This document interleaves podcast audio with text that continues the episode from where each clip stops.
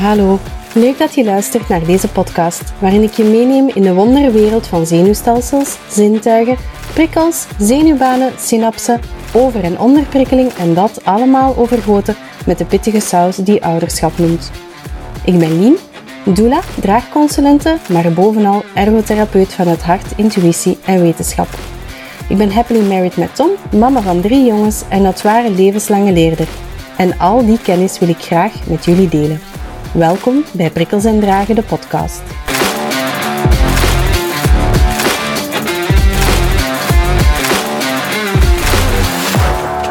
Let's talk Christmas.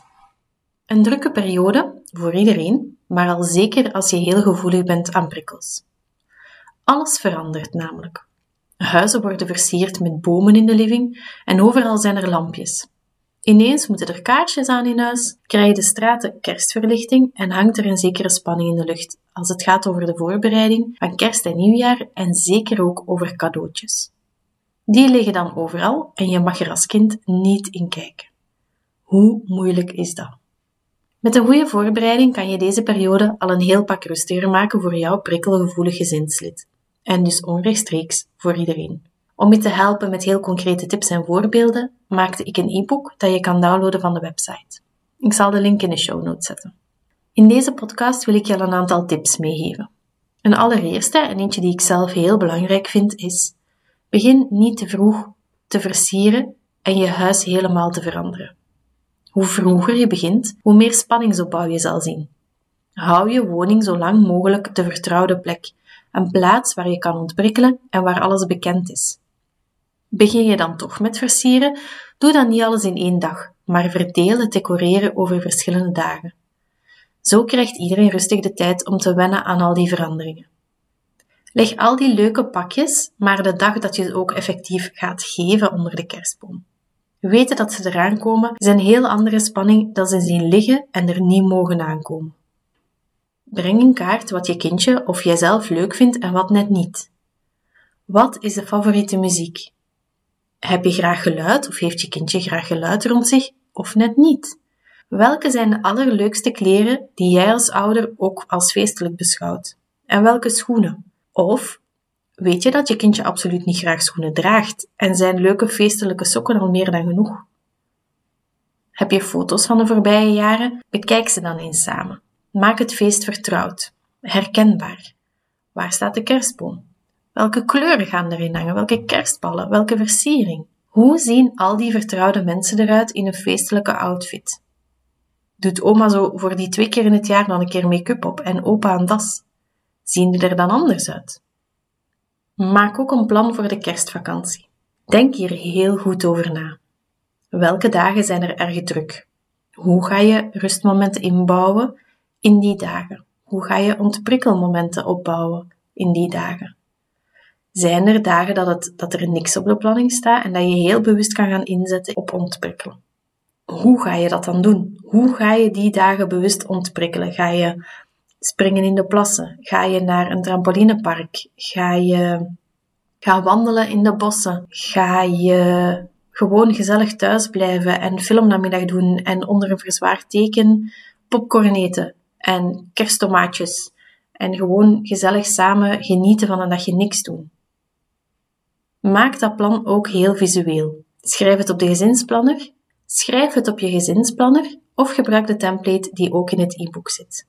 Een aantal tips nu specifiek voor 24, 25 december en 31 december en 1 januari. Dat zijn altijd heel drukke dagen. Er is een zeker een opbouw, want er moet nog veel gebeuren. Ook al ga je naar een feest en is het niet bij je thuis, er moet altijd veel gebeuren. Er moeten verse kleren aan, die moeten misschien zelfs nog gestreken worden. Er moet nog een bloemetje gegaan worden. En waar is die fles wijn weer? En we moeten ervoor zorgen dat al die cadeautjes mee zijn en dat we op tijd zijn. Heel druk. Je kunt er de dag zelf voor kiezen om vroeger naar een feest te gaan. Spreek misschien een keer af met de gastvrouw of gastheer dat jullie met gezin een half uurtje vroeger komen. Zo ben je daar voordat het echt heel druk is, voordat er andere gasten zijn, en geeft iedereen tijd om te wennen aan die veranderde living, want ja, ook daar is er gedecoreerd en is er versierd. Dus zal die vertrouwde plek voor je kindje er anders gaan uitzien. Met een half uurtje op voorhand te gaan, hebben ze tijd om te wennen aan al die nieuwe dingen. Informeer ook gastvrouw en gastheer over de prikkelgevoeligheid van jou of van je kindje. Spreek op voorhand een rustplekje af en vertel dat dan ook aan de mensen waar dat je naartoe gaat. Vertel van, kijk, ik heb met mijn kind afgesproken dat als het even moeilijk is, dat het 10 minuutjes naar de wc mag. Of dat het 10 minuutjes met een hoofdtelefoon met de favoriete muziek op onder mijn stoel mag komen zitten. En dat dat helemaal oké is. We gaan daar ook niet boos over doen, we gaan er niet lastig over doen. Dat is gewoon zo. Ze gaan gewoon 10 minuten niet meespelen dan. Als je van die dingen op voorhand afspreekt, dan is dat meestal helemaal oké en dan wordt, wordt daar ook niemand op aangesproken. Nog een heel belangrijke tip. Ene ook uit eigen ervaring. Toen onze kinderen nog kleiner waren, nu niet dat ze nu al zo groot zijn, maar toen onze oudste een jaar of vier, vijf was, was kerstavond eigenlijk helemaal niet leuk. Er zat zoveel spanning rond de pakjes, dat eigenlijk op het moment dat er dan pakjes uitgedeeld waren, dat hij zo over zijn toeren was, dat dat niet leuk was. Wat hebben wij dan gedaan? We hebben aan iedereen gevraagd, hoeveel pakjes heb je voorzien voor ons kind? En zoveel duplo-blokjes kreeg hij, en elke keer dat hij een pakje wou opendoen, moest hij een duplo-blokje afgeven. Dus, mijn gouden tip voor jullie allemaal. Vraag op voorhand aan iedereen hoeveel pakjes je kind krijgt. Hoeveel mensen zijn er aanwezig die voor jullie kinderen cadeautjes voorzien? Wat dat dan max is. Um, vraag aan iedereen hoeveel pakjes heb je? En mensen moeten zich daar dan ook aan houden. Als oma zegt ik heb drie cadeautjes, dan is het drie cadeautjes en niet plots vier omdat ze nog iets schattigs zag in de winkel. Nee, drie is drie. Wanneer het dan tijd is om die cadeautjes uit te delen, dan maak je bijvoorbeeld, zoals dat wij deden, met Duplo toren, een blokje per pakje. Je kindje geeft een blokje af en krijgt een cadeautje in de plaats. Is de toren op, dan zijn alle cadeautjes op. Je maakt dus eigenlijk echt een visueel aftelsysteem. Je kunt dat ook op andere manieren doen. Je zou ook kunnen zeggen van ja, we maken, we maken bijvoorbeeld tekeningen. Uh, ik print een tekening af met een aantal pakjes op en ze moeten het juist het, een pakje kleuren elk moment dat ze eentje krijgen bijvoorbeeld. Of nee, wij kiezen ervoor om um, alle pakjes van mijn kind in één grote zak te doen.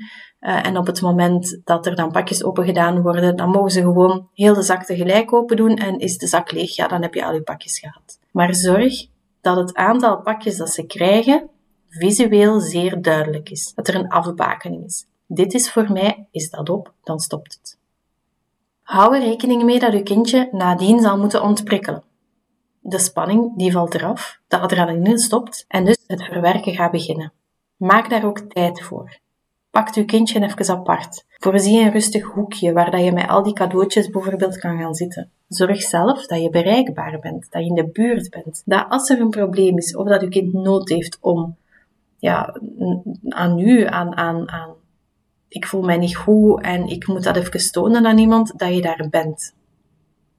Stel eventueel uw eigen pakjes uitpakken uit, zodat je er eerst kan zijn voor je kindje en daarna, wat dat ook niet onbelangrijk is, echt gewoon 100% kan genieten van het opendoen van je eigen pakjes.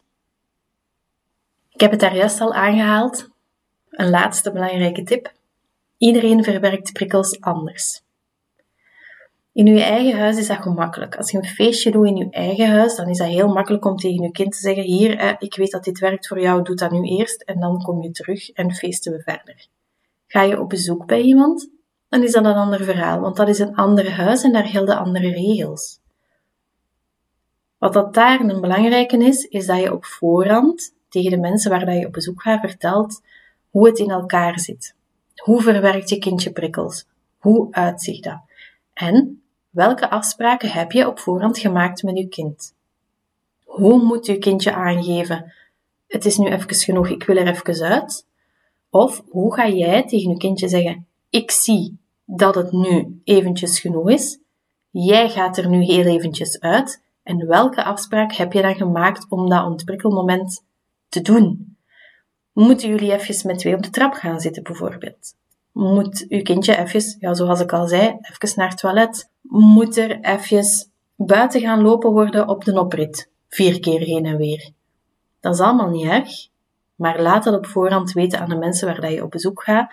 Kijk, dit zijn de afspraken dat ik gemaakt heb met mijn kind. Dus als ze zoiets beginnen doen, moet daar ook niks op zeggen. dat werkt gewoon zo. We gaan dat even doen en dan komt hij terug en is alles oké. Wat dat ook nog belangrijk is, is beseffen dat het wel een keer nodig zou kunnen zijn dat je vroeger naar huis gaat. Vroeger dan dat het feestje eigenlijk gedaan is. Um, maak daar ook een plan voor. Bekijk de keer van, oké, hoe gaan we dat aanpakken? Wie gaat er met kind naar huis? Wie blijft er? Wie rijdt er? Um, hoe gaan we dat hier allemaal doen? Het is veel fijner om gewoon een plan te hebben dat op het moment dat nodig is, dat je gewoon gaat zeggen van, oké, plan gaat in werking. Dit is het nu. Zeer jammer, volgend jaar opnieuw. Dan dat je nog aan de tafel bij een lekker glaasje en een zalig dessert moet zeggen, maar ja, uh, hoe gaan we dat hier nu doen? Ja, nee, jij gaat naar huis. Nee, toch niet. Oh, nog even, nog even. Want dat werkt eigenlijk niet. Dat is alleen maar spanningsopbouw en dat is te vermijden. Bekijk dan ook eens of dat jullie bijvoorbeeld met heel het gezin naar huis gaan, of dat er maar één ouder met één kind vertrekt en dat de andere ouder nog even blijft. Hoe ga je het concreet aanpakken? Oké.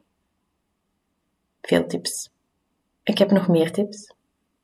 Uh, en al die tips kan je vinden in het e-book Prikkelende Feestdagen Survival Gids. Ik heb er heel hard aan gewerkt, ik ben er heel trots op. En je kan hem vinden op onze sociale media of via de link in de show notes of gewoon even kijken op de website.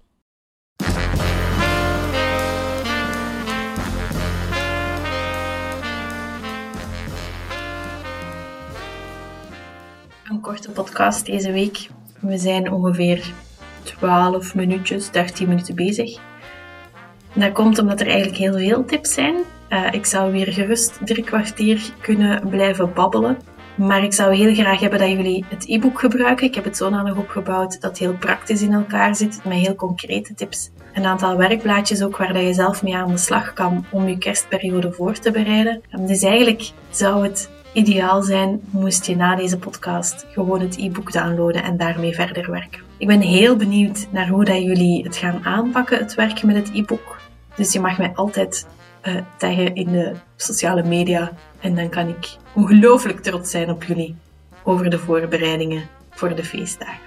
Zo, dan rest mij jullie alleen nog een hele fijne decembermaand te wensen. Het is vandaag 30 november, dus morgen officieel feestmaand. En um, heel fijne feestdagen. Dag, tot volgende week.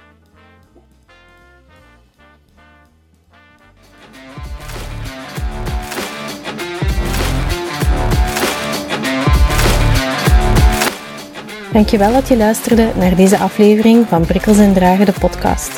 Vragen of reacties mag je steeds laten weten via de website www.prikkelsendragen.com of via de socials. Ken je iemand die baat zou hebben bij het luisteren van de podcast? Deel hem dan zeker. Groetjes en tot volgende week!